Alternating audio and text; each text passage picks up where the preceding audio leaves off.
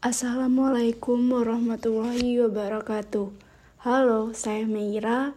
Di sini saya akan melanjutkan membacakan buku Sepi Mengapa Manusia Merasa Kesepian dan Bagaimana Berdamai Dengannya oleh Pijar Psikologi.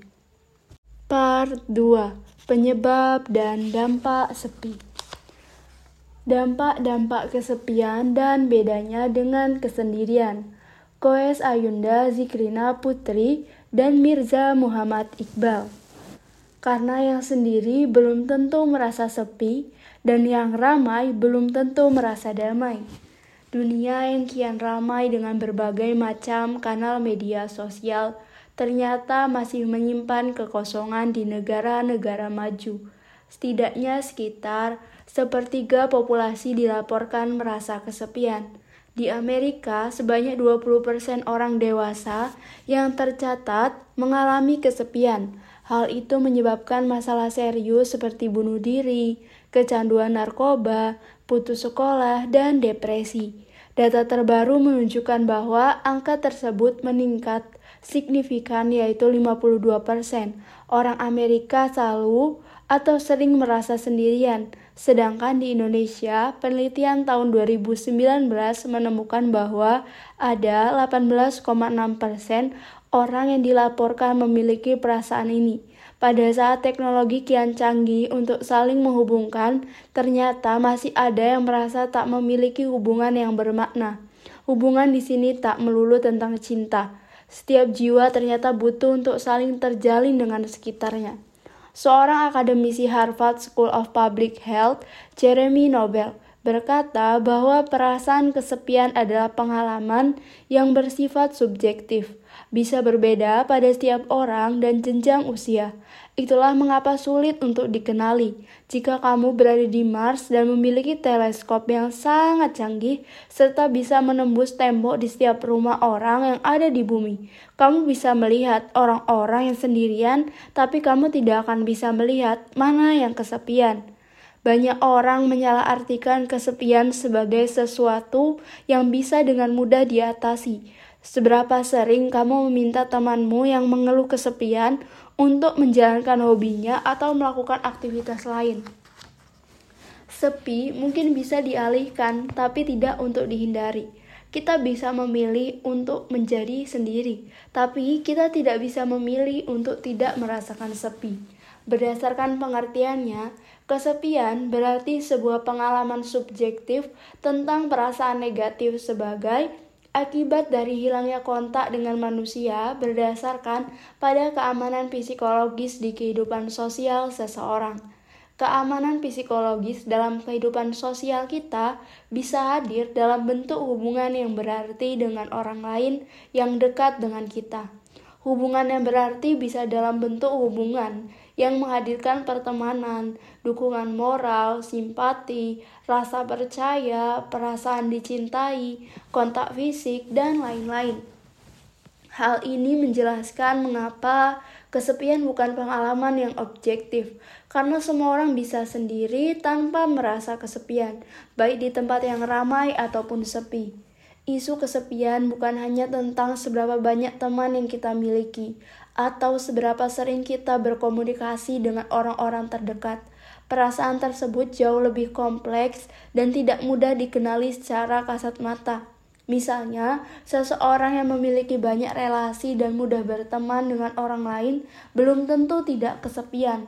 Lansia atau orang tua yang ditinggal anaknya bekerja jauh dari rumah pun belum tentu kesepian.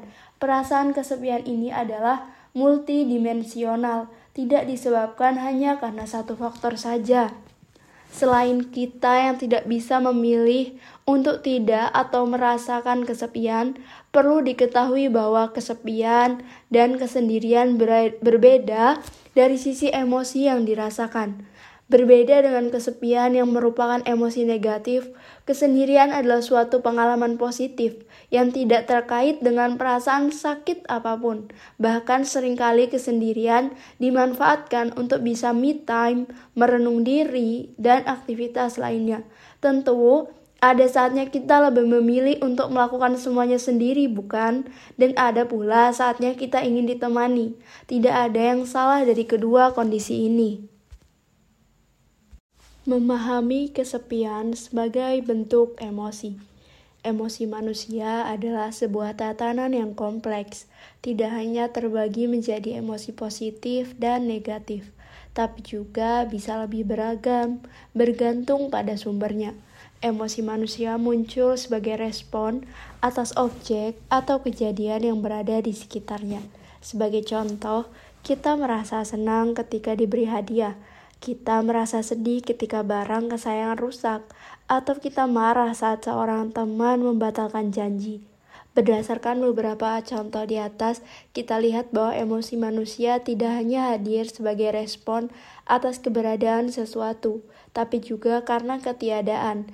Kita marah ketika seorang teman membatalkan janji, karena pada akhirnya kita tidak bisa bertemu dengan teman. Kita sedih barang kesayangan rusak, karena kemudian barang itu kehilangan fungsinya. Prinsip emosi yang sama juga menyebabkan kita merasa kesepian. Kesepian adalah bentuk emosi yang kita rasakan sebagai akibat karena ketiadaan. Ketiadaan di sini berkaitan dengan hubungan sosial baik yang tiada secara permanen maupun sementara. Seperti yang sebelumnya telah kita bahas, hubungan sosial bisa menghadirkan makna beragam sesuai dengan keamanan psikologis yang dibutuhkan seseorang. Mari kita lihat contohnya. Seseorang bisa merasa kesepian akibat ditinggal oleh orang yang disayangi, misalnya orang tua.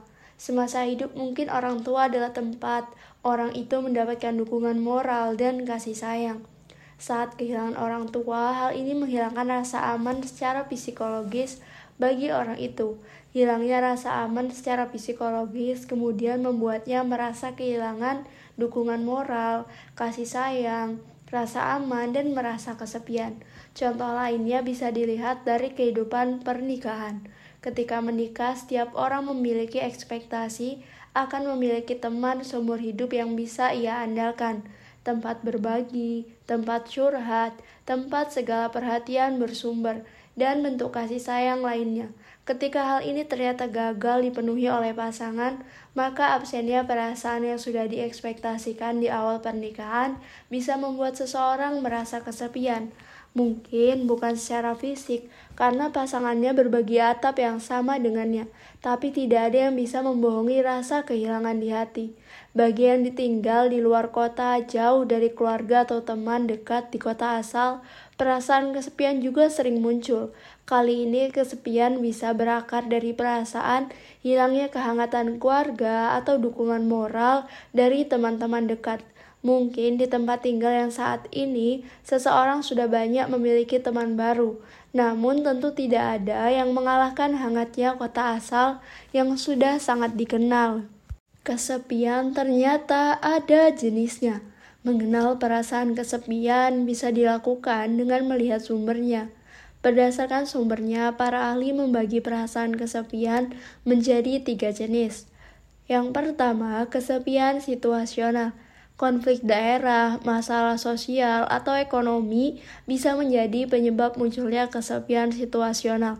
Keluarga saling terpisah karena negaranya sedang berperang, atau pasangan suami istri yang harus menjalani pernikahan jarak jauh adalah contoh situasi yang bisa memunculkan kesepian situasional. Kesepian yang menghampiri orang tua yang harus tinggal berjauhan dengan anak-anaknya juga bentuk dari kesepian situasional. Menilik situasi saat ini ada juga istilah lockdown online, kesepian yang hadir karena adanya diskoneksi sosial. Sebagai akibat dari social distancing dan lockdown selama pandemi COVID-19, isolasi mandiri, serta masa karantina yang harus dilakukan saat pandemi juga menjadi penyebab seseorang mengalami lockdown loneliness. Yang kedua, kesepian di masa perkembangan mental manusia. Setiap orang memiliki hasrat untuk merasakan kedekatan atau memiliki hubungan dengan orang lain. Jangan anggap sepele hasrat ini sebagai bentuk seseorang harus bisa mandiri dan bisa dengan dirinya sendiri. Hal ini dijelaskan oleh Erik Erikson, seorang psikolog yang mencetuskan teori bahwa manusia memiliki tahapan perkembangan dan kebutuhan psikologis yang spesifik di tiap rentan usia. Menurut Erik Erikson, usia 19 tahun hingga 40 tahun adalah usia yang krusial bagi seseorang untuk memenuhi kebutuhan intimasi. Ketika tidak dipenuhi, maka akan menyebabkan perasaan isolasi atau terasing dari dunia. Dalam kaitannya dengan kesepian, perasaan isolasi tadi bisa menjadi sumbernya. Namun perlu dipahami untuk memenuhi perkembangannya dengan baik manusia harus bisa mengimbangi kebutuhan untuk lekat dengan orang lain dan kemampuannya untuk mengenali diri sendiri. Setiap orang butuh masa-masa sendiri agar bisa menyelami dan mengenali dirinya dengan baik. Ketidakmampuan menciptakan keseimbangan dalam hal ini juga bisa menghasilkan perasaan kesepian. Yang ketiga, kesepian internal. Kesepian jenis ini muncul akibat persepsi bahwa seseorang terus merasakan kesendirian. Seseorang yang memiliki self-esteem dan harga diri yang rendah cenderung sering merasakan kesepian tipe ini. Self-esteem dan harga diri rendah bisa berakar dari banyak hal, baik kondisi saat ini maupun dari trauma masa lalu. Misalnya, gaya pengasuhan orang tua yang otoriter, bisa menyebabkan anak tumbuh memiliki self-esteem yang rendah. Perasaan beras, bersalah dan ketidakberhargaan juga bisa menjadi faktor seseorang merasakan kesepian internal. Sebagai contoh, ketika seseorang merasa telah melakukan kesalahan hingga membuat orang yang ia cintai meninggalkannya. Hal ini bisa menyebabkan seseorang menutup diri untuk bisa memulai hubungan lagi dan pada akhirnya membuat ia merasa kesepian. Dampak kesepian Dampak psikologis dari kesepian yang telah banyak dijabarkan oleh berbagai literatur memiliki benang merah yang cukup jelas, perilaku, cara berpikir atau kognitif, dan emosi ataupun afektif.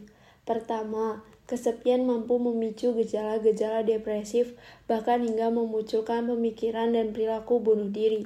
Meskipun kesepian tidak secara langsung menyebabkan bunuh diri, akan tetapi kesepian merupakan perantara gejala depresif seperti menarik diri dari lingkungan sosial. Menarik diri dari relasi sosial berarti memperkuat perasaan tidak aman dalam dirinya sendiri sehingga persepsi terhadap orang lain pelan-pelan mulai berubah. Akibatnya, individu menganggap bahwa keberadaan orang lain adalah ancaman dan kemudian enggan untuk menerima bantuan. Kedua, kesepian bisa berdampak pada kesehatan otak dan jantung. Kesepian dapat meningkatkan aktivitas sistem saraf simpatis, meningkatkan peradangan di dalam tubuh, serta menurunkan kualitas tidur sehingga berdampak pada penuaan dini pada otak dan jantung.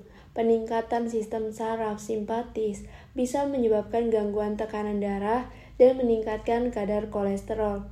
Dengan demikian, efek yang terjadi pada otak antara lain meningkatkan resiko demensia dan stroke. Selain itu, efek yang bisa terjadi pada jantung adalah serangan jantung. Ketiga, Individu dengan kesepian menunjukkan gangguan emosi berupa kecemasan, ketakutan, kemarahan, dan pesimisme yang sering kali irasional. Contohnya, ia bisa menjadi semakin sensitif terhadap ekspresi wajah dan intonasi vokal orang lain saat berbicara. Perkataan yang menurut orang lain itu wajar bisa direspon menjadi perkataan yang menyerang.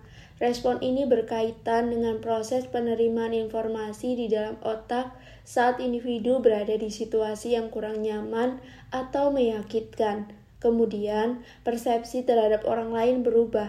Ia melihat setiap orang menjadi sebuah ancaman dan memunculkan perilaku defensif atau menghindari orang lain. Ketiga, dampak dari perasaan kesepian ini seharusnya bisa teratasi oleh interaksi sosial yang berkualitas Hubungan sosial antara individu yang dinilai berkualitas adalah sebuah hubungan yang saling mencukupi, saling memahami tanpa syarat, dan kehadiran sosok teman atau keluarga yang dipercaya. Setiap orang bisa saja memiliki banyak teman, tapi tidak semuanya merasa dipahami oleh teman-teman mereka. Kurangnya perasaan dipahami dan dimengerti inilah yang menyebabkan kesenjangan antara relasi yang diharapkan dengan realita yang ada. Perasaan ini membuat individu merasa kosong, sendiri, dan bahkan tidak diinginkan. Perasaan ini ingin dipahami, merupakan kebutuhan dasar manusia yang harus terpenuhi. Bahkan, beberapa penelitian membuktikan bahwa merasa dipahami justru lebih penting daripada merasa dicintai, walaupun keduanya sama-sama berarti.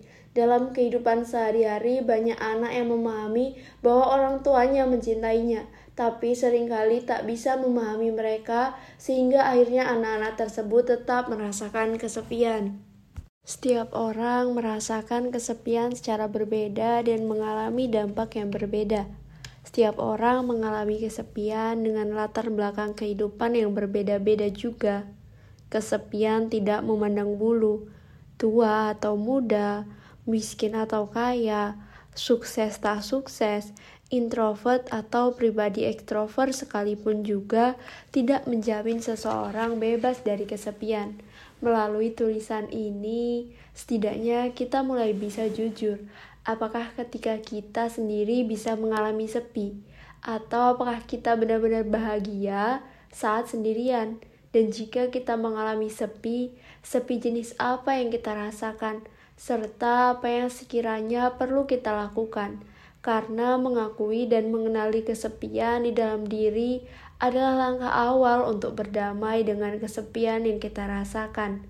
Beberapa penelitian membuktikan bahwa merasa dipahami justru lebih penting daripada merasa dicintai, walaupun keduanya sama-sama berarti.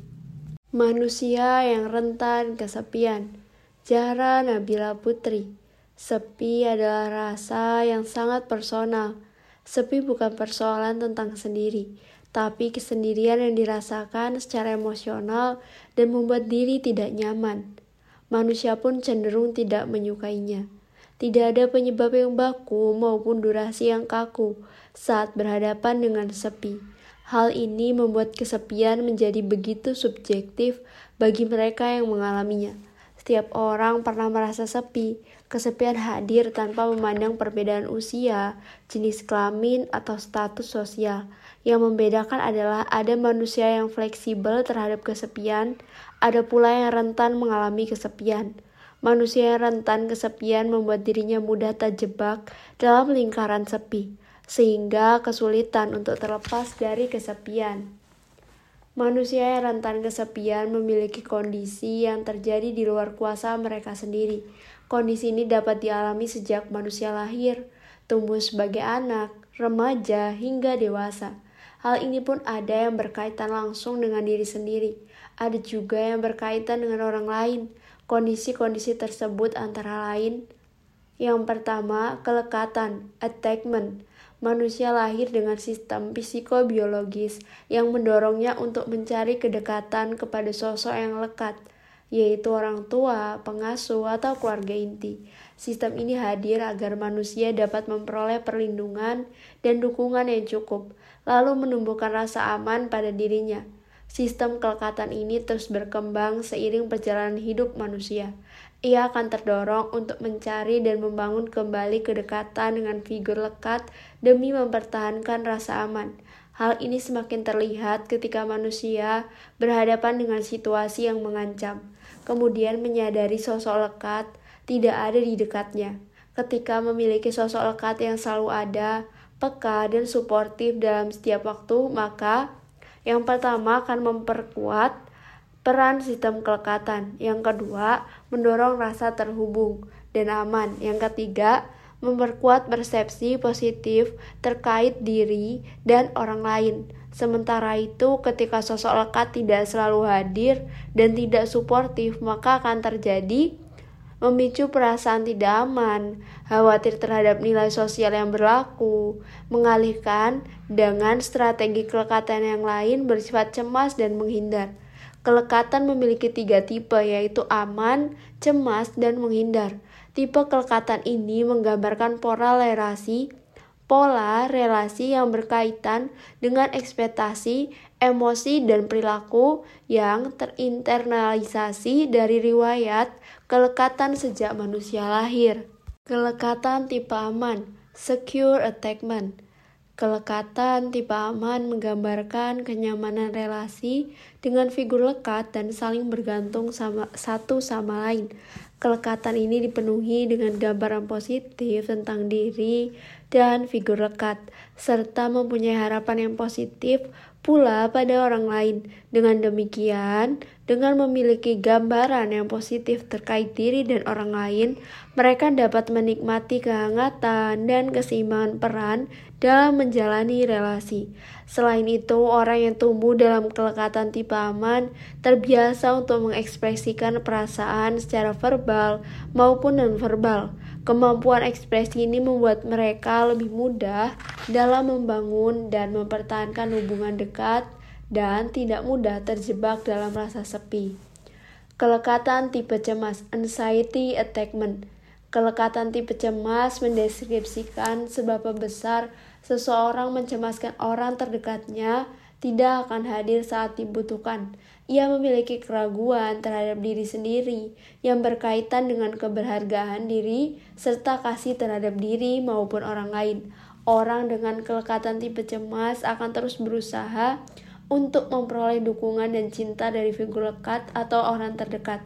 Hal ini dilakukan karena mereka tumbuh dalam hubungan di mana figur letak terkadang responsif, tapi sangat tidak bisa diandalkan. Misalnya, sejak kecil seseorang merasa kerap ditinggalkan karena orang tua yang sibuk bekerja. Perasaan ditinggalkan ini semakin kuat ketika tidak ada sosok dekat lain yang menemaninya. Dengan demikian, mereka terus mencari orang yang bisa memenuhi kebutuhannya untuk dekat dan bertahan pada relasi tersebut. Ketika ia tidak dapat memperolehnya, maka akan marah dan putus asa. Kelekatan tipe menghindar avoidance attachment Kelekatan tipe menghindar menggambarkan seberapa besar rasa tidak percaya terhadap niat baik orang lain dan secara defensif mempertahankan perilaku untuk tetap sendiri dan mandiri. Kelekatan menghindar berkembang pada relasi dan figur lekat yang menyikapi kebutuhan kedekatan dengan penolakan, bahkan hubungan. Contoh, sejak kecil selalu diomeli bila meminta orang tua untuk tetap menemani ia bermain. Contoh lainnya, ketika anak sedih dan meminta pelukan, sosok lekat malah tidak meresponnya. Hal ini akhirnya membuat mereka untuk tidak mencari kedekatan pada orang lain sekalipun berada dalam situasi yang tidak aman. Mereka akan menolak adanya kelemahan dalam diri dan kebutuhan untuk berinteraksi dengan orang. Orang dengan kelekatan tipe menghindar juga memilih untuk menghindari kedekatan dan kebergantungan pada hubungan yang dimiliki.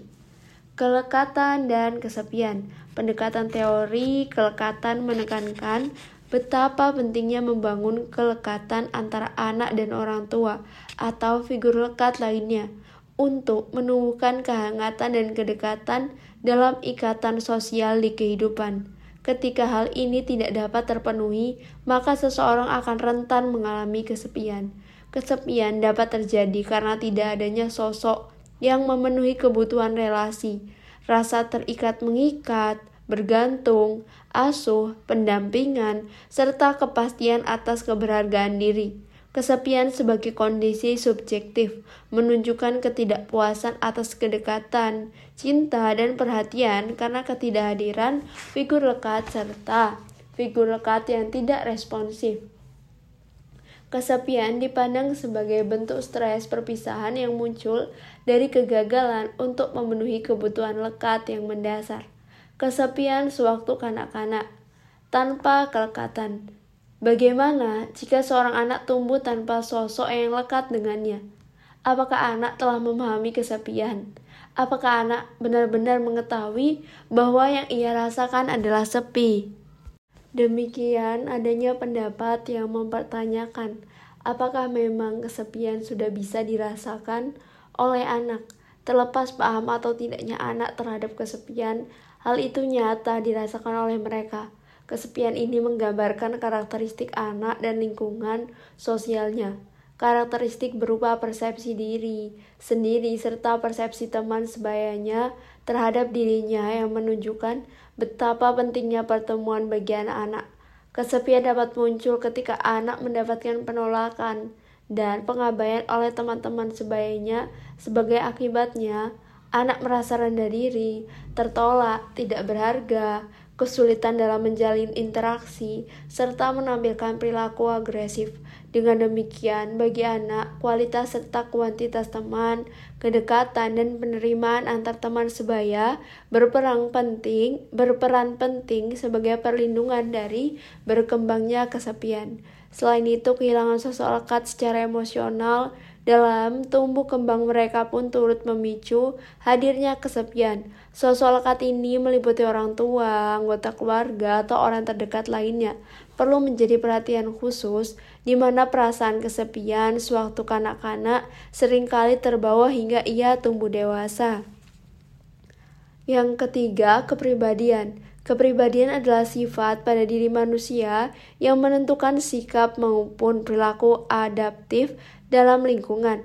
Kesepian sebagai pengalaman yang personal menggambarkan pola berpikir, berperilaku, dan respon manusia yang berbeda pada faktor situasional yang menyebabkan kesepian.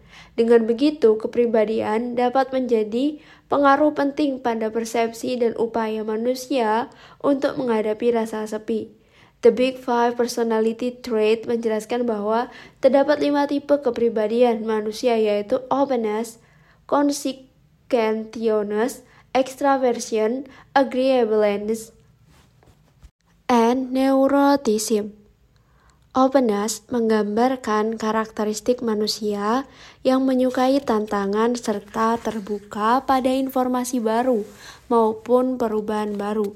Conscientiousness menjelaskan sifat manusia yang teliti, tertata, teratur, dan disiplin. Ia cenderung fokus pada tujuan dan komitmen yang telah ia buat. Sementara extraversion menggambarkan manusia yang senang mengekspresikan perasaan dan pendapat serta menikmati keterlibatan sosial. Agreeableness menggambarkan karakteristik manusia yang suka menjalin hubungan sosial, kerjasama, dan penuh empati. Neuroticism menjelaskan karakter manusia yang pencemas, khawatir, dan memiliki persepsi negatif terkait diri maupun yang lain. Perasaan sepi dapat muncul pada relasi sosial yang penuh ketegangan. Seseorang yang terlibat dalam relasi seperti itu memicu kecenderungan neurotik, di mana penuh dengan perasaan cemas, takut, agresif, impulsif, dan cemburu. Ia pun mengalami kesulitan untuk merasakan kepuasan dalam menjalin relasi. Orang neurotik lebih mudah terjebak dalam persepsi negatif dalam melihat situasi, yang menyebabkan dirinya lebih kuat merasakan perasaan-perasaan tidak nyaman dari kesepian. Dengan demikian, kepribadian tipe neurotism memiliki kerentanan paling tinggi terhadap kesepian. Pernyataan ini sejalan dengan studi-studi sebelumnya yang menemukan bahwa orang neurotism lebih rentan mengalami kesepian. Orang tipe neurotism memiliki karakteristik emosi yang tidak stabil, sulit beradaptasi, depresif, bersalah, khawatir, dan pesimis. Karakteristik ini mendorong kepekaan yang lebih tinggi terhadap hal-hal yang negatif, di mana orang yang mengalami kesepian pun memiliki kepekaan yang lebih kuat terhadap rangsangan negatif sosial. Persamaan dalam kepekaan berlebihan pada rangsangan negatif inilah yang memicu neurotisme lebih rentan mengalami kesepian. Sementara itu, empat tipe kepribadian lainnya memiliki keterkaitan yang rendah terhadap kemungkinan mengalami sepi.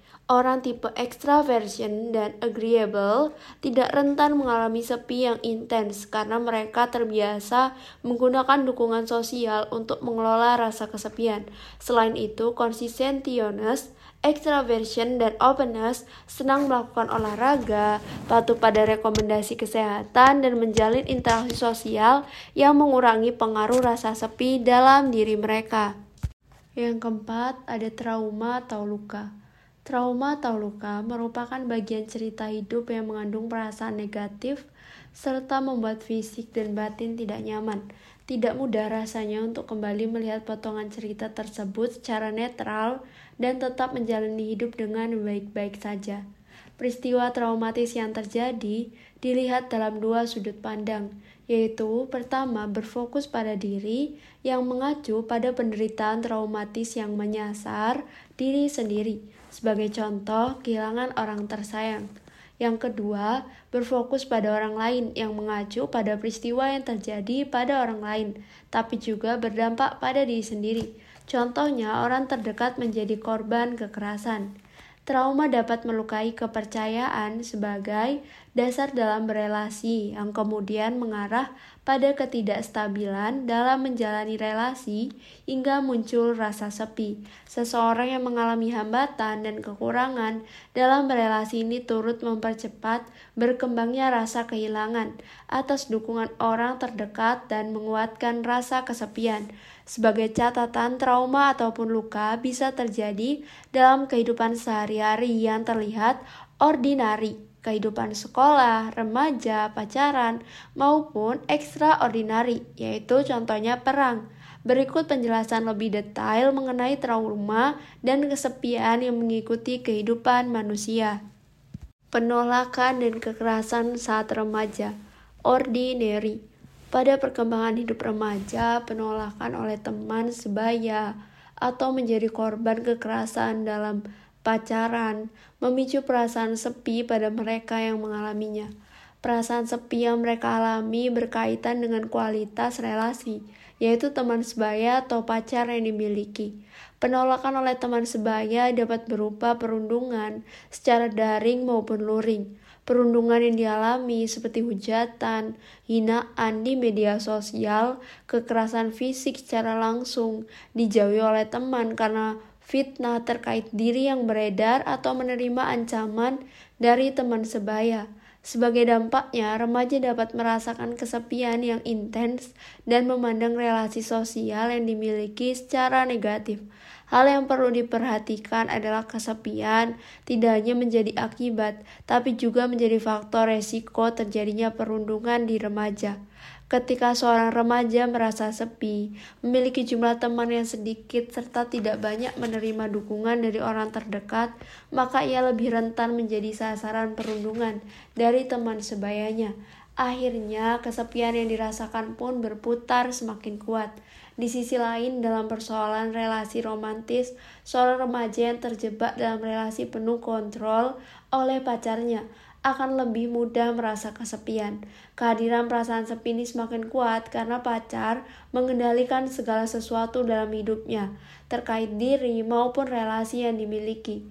Bentuk pengendalian yang dilakukan seperti membatasi jumlah teman, mengawasi berlebihan pertemanan yang dimiliki, hingga meminta untuk memutus pertemanan tersebut. Akhirnya relasi sosial yang ia miliki semakin sempit dan hanya terbatas pada pacarnya saja. Trauma perang extraordinary. Mereka yang pernah terlibat dalam perang turut rentan mengalami kesepian. Kerentanan sepi ini semakin kuat melalui dua hal. Yang pertama, pada medan peperangan mereka yang mengalami trauma merasa sendiri dan tidak berdaya. Yang kedua, ketika pulang dari peperangan, mereka merasa asing dan terasingkan karena tidak ada yang bisa memahami trauma mereka. Sebagai dampaknya, mereka menghindari keterlibatan sosial, mengalami kesulitan dalam menjalin relasi, mengalami hambatan dalam keberlangsungan hidup sehari-hari, dan kepuasan hidup pun menurun. Veteran perang dapat merasakan malu, rendah diri, serta bersalah, misal karena terpaksa menembak warga yang tidak bersalah, sebagai dampak dari peristiwa traumatis yang ia alami selama peperangan. Hal ini menghalangi mereka untuk bercerita atau meminta bantuan kepada orang lain atas traumanya. Akhirnya kesepian pun menguat karena mereka tidak dapat menerima dukungan sosial yang cukup pada dirinya luka batin, dan kesepian. Luka batin serta kesepian yang sudah dialami sebelumnya memperbesar kemungkinan untuk kembali mengalami masalah mental dan kesepian 1 sampai 2 tahun ke depannya. Yang menjadi dilema adalah mereka yang mengalami ini tidak mudah untuk membuka diri demi memperoleh dukungan dari orang lain. Ketika sudah berani membuka diri pun belum tentu mendapat dukungan yang diharapkan. Akhirnya perasaan sepi sebagai dampak dari kurangnya dukungan dan pengakuan dan pengakuan semakin kuat dimiliki. Bila terus-menerus dibiarkan, maka akan menjadi pemicu yang semakin kuat untuk mengalami kesepian lagi ke depannya. Pemicu kesepian semakin kuat ketika kembali mengalami peristiwa traumatis setelahnya. Peristiwa traumatis serupa ini membuat diri merasa tidak nyaman dan tidak aman. Tak jarang pula gejala depresif turut menyertai. Hal ini menyebabkan mereka kembali masuk dalam lingkaran yang membatasi diri memilih menyimpan persoalannya sendiri, serta sulit percaya untuk bercerita dan meminta bantuan kepada orang lain. Dengan kata lain, mereka masuk lagi ke dalam jeratan sepi di luar kendali mereka sendiri. Kesepian bukan hal mutlak, Sebelumnya kita sudah bahas berbagai faktor yang memungkinkan seseorang lebih rentan mengalami kesepian, seperti pengalaman lekat dengan figur terdekat, kepribadian, dan juga pengalaman traumatis. Namun perlu diingat juga bahwa faktor-faktor ini bisa membuat seseorang semakin merasa hampa atau bisa juga tidak begitu berdampak apa-apa. Manusia bisa rentan terhadap kesepian, tapi bukan berarti kesepian adalah hal yang mutlak bukan juga berarti manusia benar-benar tidak akan pernah bebas dari kesepian. Mengalami kesepian sesekali adalah hal yang wajar, apalagi jika kita memasuki tahap baru kehidupan seperti pindah kota atau pindah pekerjaan. Namun, jika kita mengalami kesepian dalam jangka panjang dan kita sadar bahwa kita memiliki berbagai pengalaman yang membuat kita semakin rentan dengan kesepian, maka kita perlu menghadapi dan berdamai dengannya. Kadang diperlukan kepekaan, kepedulian, serta kehangatan dari orang lain untuk membantunya lepas dari kesepian. Butuh proses terapeutik dalam diri supaya bisa lebih tangguh dalam menyikapi hadirnya sepi. Layaknya kehadiran ragam perasaan lain, seperti senang, sedih, marah, kecewa, haru, dan bahagia, Sepi juga memiliki perannya sendiri dalam memberi warna perasaan dalam kehidupan kita. Dengan begitu, kita tetap punya kendali untuk memilih, terjebak dalam jeratan sepi yang dinilai tidak nyaman, atau pulih dari sepi dan melihatnya sebagai hal yang netral dan layak adanya dalam hidup kita. Bagaimana sepi dirasakan otak manusia? Arinda Ari Moreti Dano Ketika berbincang tentang kesepian, kita sering kali fokus membahasnya dalam ranah emosi saja. Kesepian itu hampa, kesepian itu menyedihkan, kesepian itu merasa asing, dan seterusnya. Akan tetapi, kita lupa bahwa manusia adalah satu kesatuan jiwa dan raga atau emosi, pikiran, dan fisik. Di tulisan ini, kita akan sedikit menyelami hasil-hasil penelitian terbaru yang mengungkap aktivitas neurobiologis seorang manusia yang sedang merasakan rasa sepi. Perlu kita pahami terlebih dahulu bahwa otak manusia bekerja dengan cara yang kompleks dan melibatkan beberapa region otak secara bersamaan.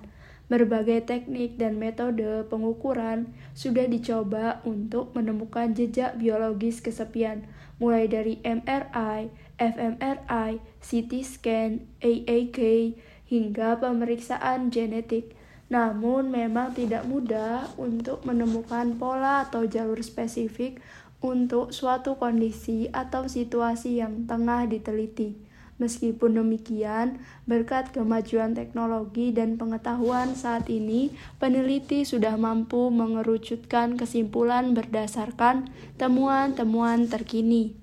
Otak manusia tidak mengenal kesepian, berbeda dengan mamalia lainnya.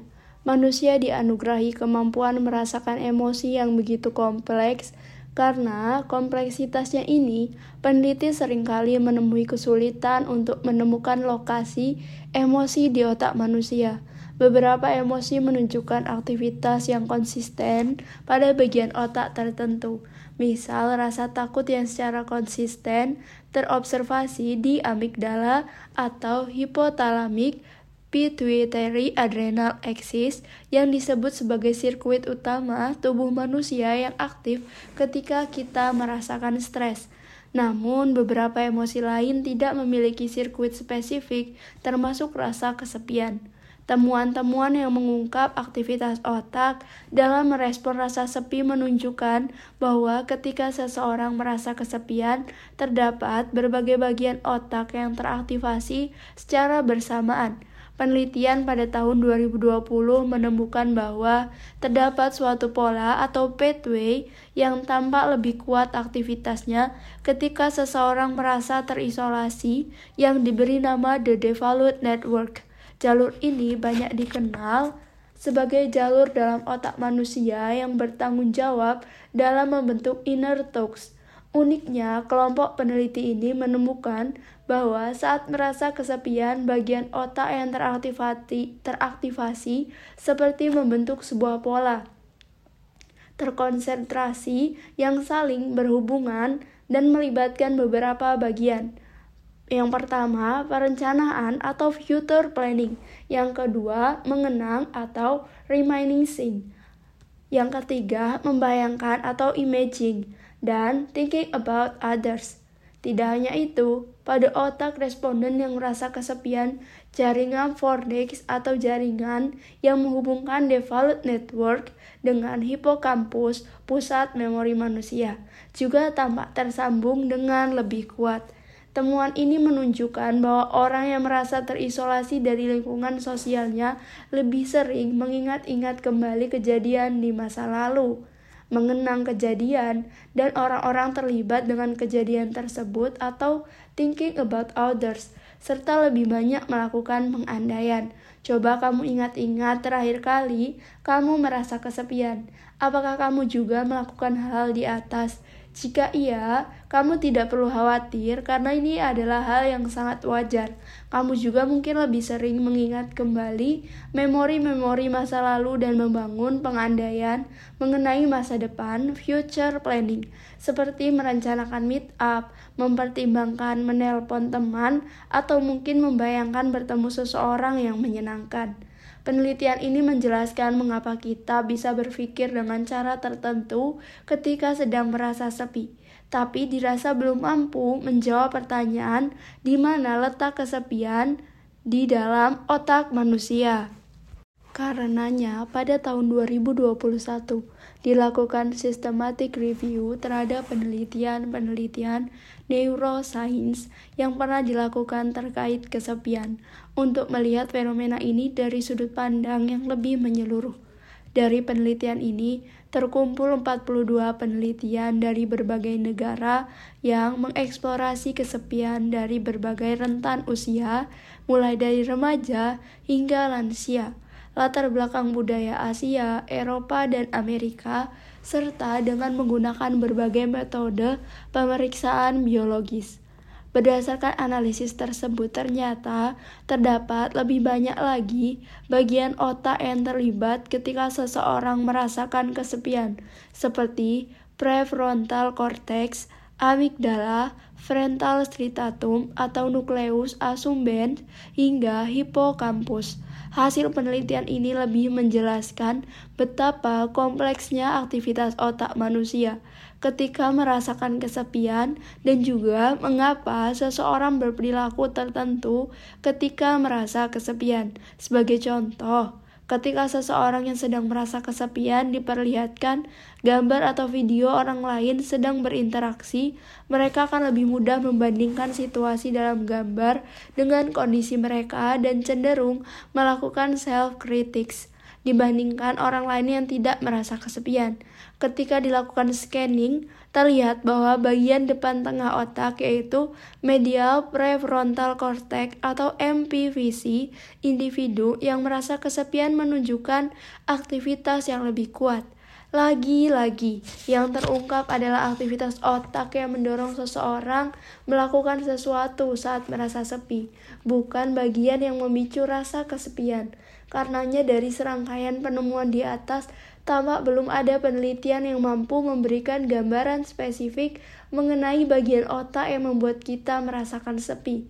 Kesimpulan sejauh ini adalah kesepian merupakan perasaan yang kompleks dan muncul di beberapa area otak secara bersamaan.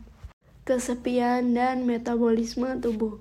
Saat merasakan emosi tertentu, tidak hanya otak yang teraktivasi, otak dan tubuh akan selalu bekerja bersamaan, berdampingan, dan saling merespon satu sama lain. Begitu pula ketika seseorang merasa sepi, selain otak yang sibuk memunculkan pikiran-pikiran nostalgia, tubuh juga turut memberikan responnya. Berikut beberapa hal yang terjadi di dalam tubuh ketika seseorang merasa terisolasi. Yang pertama, hormon stresmu meningkat, hormon bahagiamu menurun, Penelitian menunjukkan bahwa kesepian memicu respon yang sama dengan ketika kamu menghadapi tugas kuliah yang banyak, bertengkar dengan pasangan, atau ketika mengalami masalah di pekerjaan, yaitu stres. Saat kesepian, ternyata hormon kortisol atau hormon stres meningkat, sementara hormon dopamin dan serotonin menurun secara signifikan. Saat tubuh manusia dibanjiri kortisol, sistem saraf, dan otot organ-organ dalam kita secara otomatis akan menegang, yaitu melakukan kontraksi, sehingga akan mudah merasakan keluhan-keluhan seperti pegal, lelah, tegang, hingga sulit berkonsentrasi. Dampak lainnya juga dapat membuat kerja organ tubuh kita terganggu karena asupan darah, oksigen, dan nutrisi bisa jadi terhambat akibat kontraksi atau penegangan yang terjadi.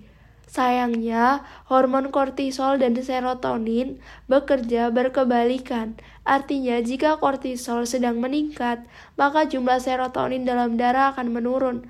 Serotonin dan dopamin sendiri adalah hormon yang bekerja dengan memberikan kita perasaan senang, penuh, ceria, dan puas. Hormon ini muncul ketika seseorang melakukan kegiatan yang dirasa rewarding, menyenangkan, atau ketika terkoneksi dengan orang-orang terdekat. Jika tubuh kita dibanjiri dopamin dan serotonin, kerja organ tubuh akan stabil dan normal. Penyerapan nutrisi lebih optimal, penyerapan informasi lebih cepat, dan mood akan lebih baik. Dapat dibayangkan ya, jika kesepian ini berlangsung lama, bagaimana pengaruhnya pada tubuh kita. Yang kedua, respon fight or flight teraktivasi. Saat merasakan kesepian, penelitian mengungkapkan bahwa tubuh bisa memproduksi kadar norepinephrine yang lebih banyak dari biasanya. Norepinephrine biasanya akan memicu respon fight or flight yang normal muncul pada situasi-situasi yang dirasa mengancam jiwa. Saat masuk ke dalam mode fight or flight, seseorang menjadi memiliki lebih banyak energi, tapi selalu tegang dan cemas. Tubuhnya bereaksi seperti sedang siaga, mengintai bahaya yang akan datang. Dampaknya, individu yang sedang merasa kesepian akan relatif lebih sulit tidur, pikiran terasa selalu aktif, atau sulit merasa istirahat ketika sedang beristirahat. Yang ketiga, sel darah putihmu lebih banyak dari biasanya. Selain memberikan sumber tenaga yang banyak, norepinephrine juga melakukan tugasnya yang lain dalam situasi yang membahayakan secara biologis seperti adanya infeksi virus atau bakteri, Norepinefrin membantu tubuh untuk bisa melawan substansi asing tersebut. Bagaimana caranya? Hormon ini meningkatkan produksi sel darah putih dan menurunkan responsitivitas sistem imun agar tidak mematikan sel darah putihnya sendiri. Namun akan menjadi masalah jika produksi sel darah putih terlalu banyak tanpa adanya infeksi tertentu. Secara natural, sel darah putih bekerja melawan infeksi bakteri atau virus dengan cara membentuk inflamasi di mana sel darah putih bisa mengeroyok substansi asing yang masuk. Namun, ketika tidak ada virus atau bakteri yang dilawan, inflamasi akan tetap muncul. Dalam jangka panjang, inflamasi ini akan menjadi abnormal dan dapat menimbulkan permasalahan kesehatan lainnya seperti kanker, penyakit neurodegeneratif, atau justru lebih mudah terinfeksi virus atau bakteri. Yang keempat, suhu tubuh menurun. Ternyata penelitian sudah mengungkap bahwa orang-orang yang merasa kesepian cenderung mempersepsikan suhu ruangan lebih rendah daripada orang-orang yang tidak merasakan kesepian. Dalam sebuah penelitian mengenai kesepian dan suhu tubuh, ditemukan bahwa pada kelompok responden yang dibuat mereka yang dibuat merasa dikucilkan, mereka merasa suhu ruangannya lebih dingin dibanding kelompok yang merasa biasa saja. Kesepian membuat tubuh kita lebih dingin dan kondisi ini mendorong seseorang untuk mencari suhu yang lebih tinggi. Karenanya, tidak heran jika kita sedang merasa jauh dari orang-orang terkasih, mandi air panas, minum teh, atau kopi hangat akan terasa sangat menenangkan. Jika kesepian dirasakan tubuh, apa bisa diobati oleh tubuh? Tentu saja perlu kita ingat bersama bahwa otak, tubuh, pikiran, dan emosi manusia selalu terkait dan saling mempengaruhi satu sama lain. Jika kita merasa kesal, maka kita akan lebih banyak mengkritik, tubuh mudah lelah atau bahkan sulit berkonsentrasi. Atau jika kita sedang berdiri di parkiran mobil di tengah cuaca terik, Kesalahan seseorang bisa terasa sangat menyebalkan, bukan? Inilah bukti bahwa semua aspek tersebut saling mempengaruhi, termasuk untuk kesepian. Kita bisa membantu otak untuk merasa lebih tenang dengan membantu memberikan kenyamanan kepada tubuh kita terlebih dahulu. Seperti yang disebutkan sebelumnya, bahwa mandi dengan air hangat bisa membuat sensasi release dari rasa kesepian. Selain mandi air hangat, makanan hangat dapat membantu kita merasa lebih nyaman dari kesepian. Tidak hanya makanan hangat, usahakan makanan yang kita konsumsi bergizi seimbang. Selain itu, jangan lupa untuk mengonsumsi prebiotik dan probiotik untuk membantu meningkatkan produksi serotonin yang ternyata sebagian besar pusat produksinya ada di perut. Selebihnya, olahraga juga sangat bagus dalam membantu pengeluaran serotonin endorfin, dan dopamin secara alami. Melakukan latihan fisik rutin 30 menit setiap hari tidak hanya akan membuat fisik segar, tapi mood juga terjaga. Kemudian, jika sedang merasa kesepian, usahakan untuk membangun atau terkoneksi dengan orang yang kamu rasa nyaman dan aman ketika berinteraksi dengannya. Kampan yang muncul dari perasaan terisolasi dari lingkungan sosial akan secara perlahan berkurang dengan menjalin kembali kedekatan tersebut. Hal ini juga bisa dilakukan dengan siapa pun, orang tua, teman, sahabat lama, teman sekolah, pasangan, anak, saudara, hewan peliharaan, siapa pun dan apa pun. Eksistensialisme, kebutuhan akan validasi menjadi akar kesepian. Menurut Lis Windio Apendi Kaisar, banyak di antara kita yang pernah merasa kesepian dan mempertanyakan keberadaan kita. Apakah ada orang di luar sana yang memikirkan kita? Apakah ada yang menganggap kita penting dan berarti? Akankah ada yang bersedih dan kehilangan jika kita tak lagi ada? Akankah dunia sedikit berbeda jika kita tak pernah terlahir? Krisis eksistensial sebagai pemicu kesepian Krisis eksistensial terjadi ketika suatu individu mulai mempertanyakan makna, nilai, dan tujuan hidup. Hal ini biasanya terjadi ketika seseorang mengalami trauma psikologis yang berat dalam hidupnya, seperti akibat kehilangan orang yang dikasihi, mengalami kegagalan, pengalaman kekerasan psikis dan fisik, dan lain-lain. Pengalaman hidup yang sering kali pahit, absurd, acak, dan menyedihkan yang terjadi terus-menerus membuat seseorang mengalami kesadaran eksistensial terkait apakah sesungguhnya manusia memiliki otoritas atas hidup dalam membuat pilihan-pilihan dan mengejar kebahagiaan. Krisis eksistensial menyebabkan individu mempertanyakan keberadaannya di dunia ini dan kaitannya dengan keberadaan individu lain. Salah satu hal yang dapat turut disadari ketika krisis eksistensial terjadi adalah bahwa kita semua sendirian di dunia ini. Perasaan kesepian kemudian muncul akibat terputusnya hubungan emosional antara individu dengan lingkungan dan orang-orang di sekitarnya. Individu merasa terasing dan kehilangan validasi atas keberadaan dirinya. Perasaan kesepian dan terisolasi menguat ketika seseorang menyadari bahwa tidak ada orang lain yang sungguh-sungguh memahami penderitaan yang sedang ia alami dan karenanya semakin membuatnya menderita. Ketika hal ini terjadi, individu dapat berpandangan bahwa hidup tidak berarti dan tidak layak dijalani karena hanya berisi penderitaan yang terus membuatnya merasa sakit, serta dia tidak bisa keluar dari kondisi tersebut. Keberadaan diri dan validasi. Kesepian eksistensial juga bisa muncul dari pemikiran dan bangunnya kesadaran atau konstituens tentang betapa luas dan tak terbatasnya alam semesta ini, sedangkan kita hanyalah setitik debu yang tak bermakna. Seseorang kemudian bisa juga merenungkan jumlah manusia yang tak terhingga atau usia tua dan kematian yang membuat siapa pun cepat atau lambat akan terlupakan serta tidak lagi memiliki relevansi dengan keberlangsungan dunia dan orang-orang sekitarnya. Kehilangan makna dan signifikasi keberadaan ini dapat membuat seseorang kehilangan tujuan hidupnya dan koneksi emosional dengan sekelilingnya. Secara fenoma, secara fenomenologis, eksistensi kita ditentukan oleh keberadaan orang lain yang turut mengalami dunia yang sama dan mereka memvalidasi keberadaan kita melalui pengalamannya. Dari orang lain inilah kita mendapatkan pengakuan bahwa kita ada, dan pengakuan tersebut menentukan posisi dan relasi emosional kita dengan keberadaan di luar diri kita.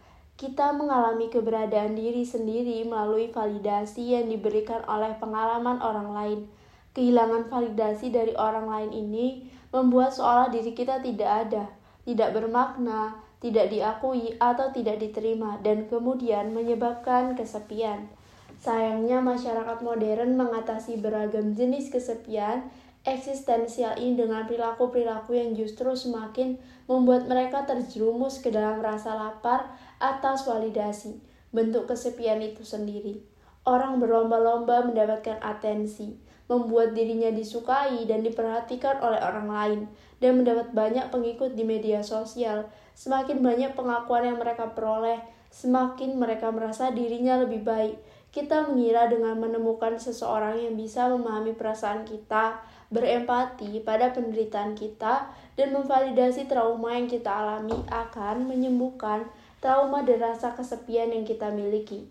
Kenyataannya tidaklah demikian. Tak peduli seberapa banyak orang yang datang, selama kita tidak menghadapi dan mengatasi trauma yang terpendam itu, dia akan terus berada di sana. Kita akan terus merasa menderita sendirian dan mempertanyakan kenapa semua hal buruk harus terjadi. Mereka yang kita anggap dapat mengobati kesepian kita pun tidak mungkin selamanya selalu ada untuk kita. Penghibur yang kita peroleh dari kehadiran orang lain hanyalah sesaat. Banyak di antara kita yang ingin memiliki hubungan romantis atau berpacaran pun hanya karena kita ingin mendapatkan perhatian tersebut, bukan karena kita siap untuk berkomitmen. Alhasil banyak hubungan yang berakhir toksik seperti dipenuhi dengan sikap saling menyalahkan. Pada akhirnya, kita hanya menyakiti diri kita sendiri dan pasangan dengan menambah trauma baru dalam hidup masing-masing.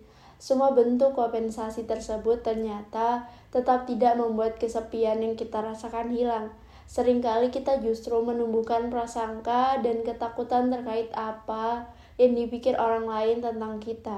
Apakah mereka sungguh-sungguh menerima dan menyayangi kita, atau hanya berpura-pura dan justru membicarakan keburukan kita di belakang? Pada akhirnya, kita hanya semakin merasa kesepian ketika kita mencari validasi eksternal untuk mengisi perasaan hampa dalam diri kita. Kenyataannya, hal tersebut tak selalu bisa kita peroleh apabila kita menggantungkan eksistensi kita dari validasi orang lain, maka kita akan merasa diabaikan ketika orang lain tak dapat memberikannya. Contoh dari hal ini adalah orang-orang yang menggantungkan self-worth dan self-esteem mereka pada jumlah pengikutnya di media sosial dan juga jumlah engagement atau baik likes, komentar, maupun viewers ketika mereka kehilangan pengikut dan ketika engagement yang mereka dapat rendah, mereka akan langsung menyalahkan keadaan, merasa diabaikan, dan gelisah. Pleasure versus happiness Krisis eksistensial dan kesepian yang lahir karenanya adalah perasaan yang valid. Kedua hal tersebut wajar dan sangat manusiawi terjadi. Kita tidak perlu merasa bersalah hanya karena kita mempertanyakan dan bahkan meragukan makna dan tujuan hidup kita, terutama apabila hal itu disebabkan penderitaan yang tak tertahankan. Kita tidak perlu merasa bersalah ketika kita merasa kesepian dan mengekspresikan perasaan kesepian itu kepada orang-orang terdekat kita dengan tujuan reaching out. Hal ini lebih baik daripada mengalihkan perasaan-perasaan tersebut menjadi perilaku seperti hedonisme, dan haus validasi di media sosial yang hanya memberi kelegaan sesaat. Distraksi yang kita lakukan untuk memberi kelegaan sesaat itu hanyalah kepura-puraan dan membuat kita lari dari perasaan kita sendiri.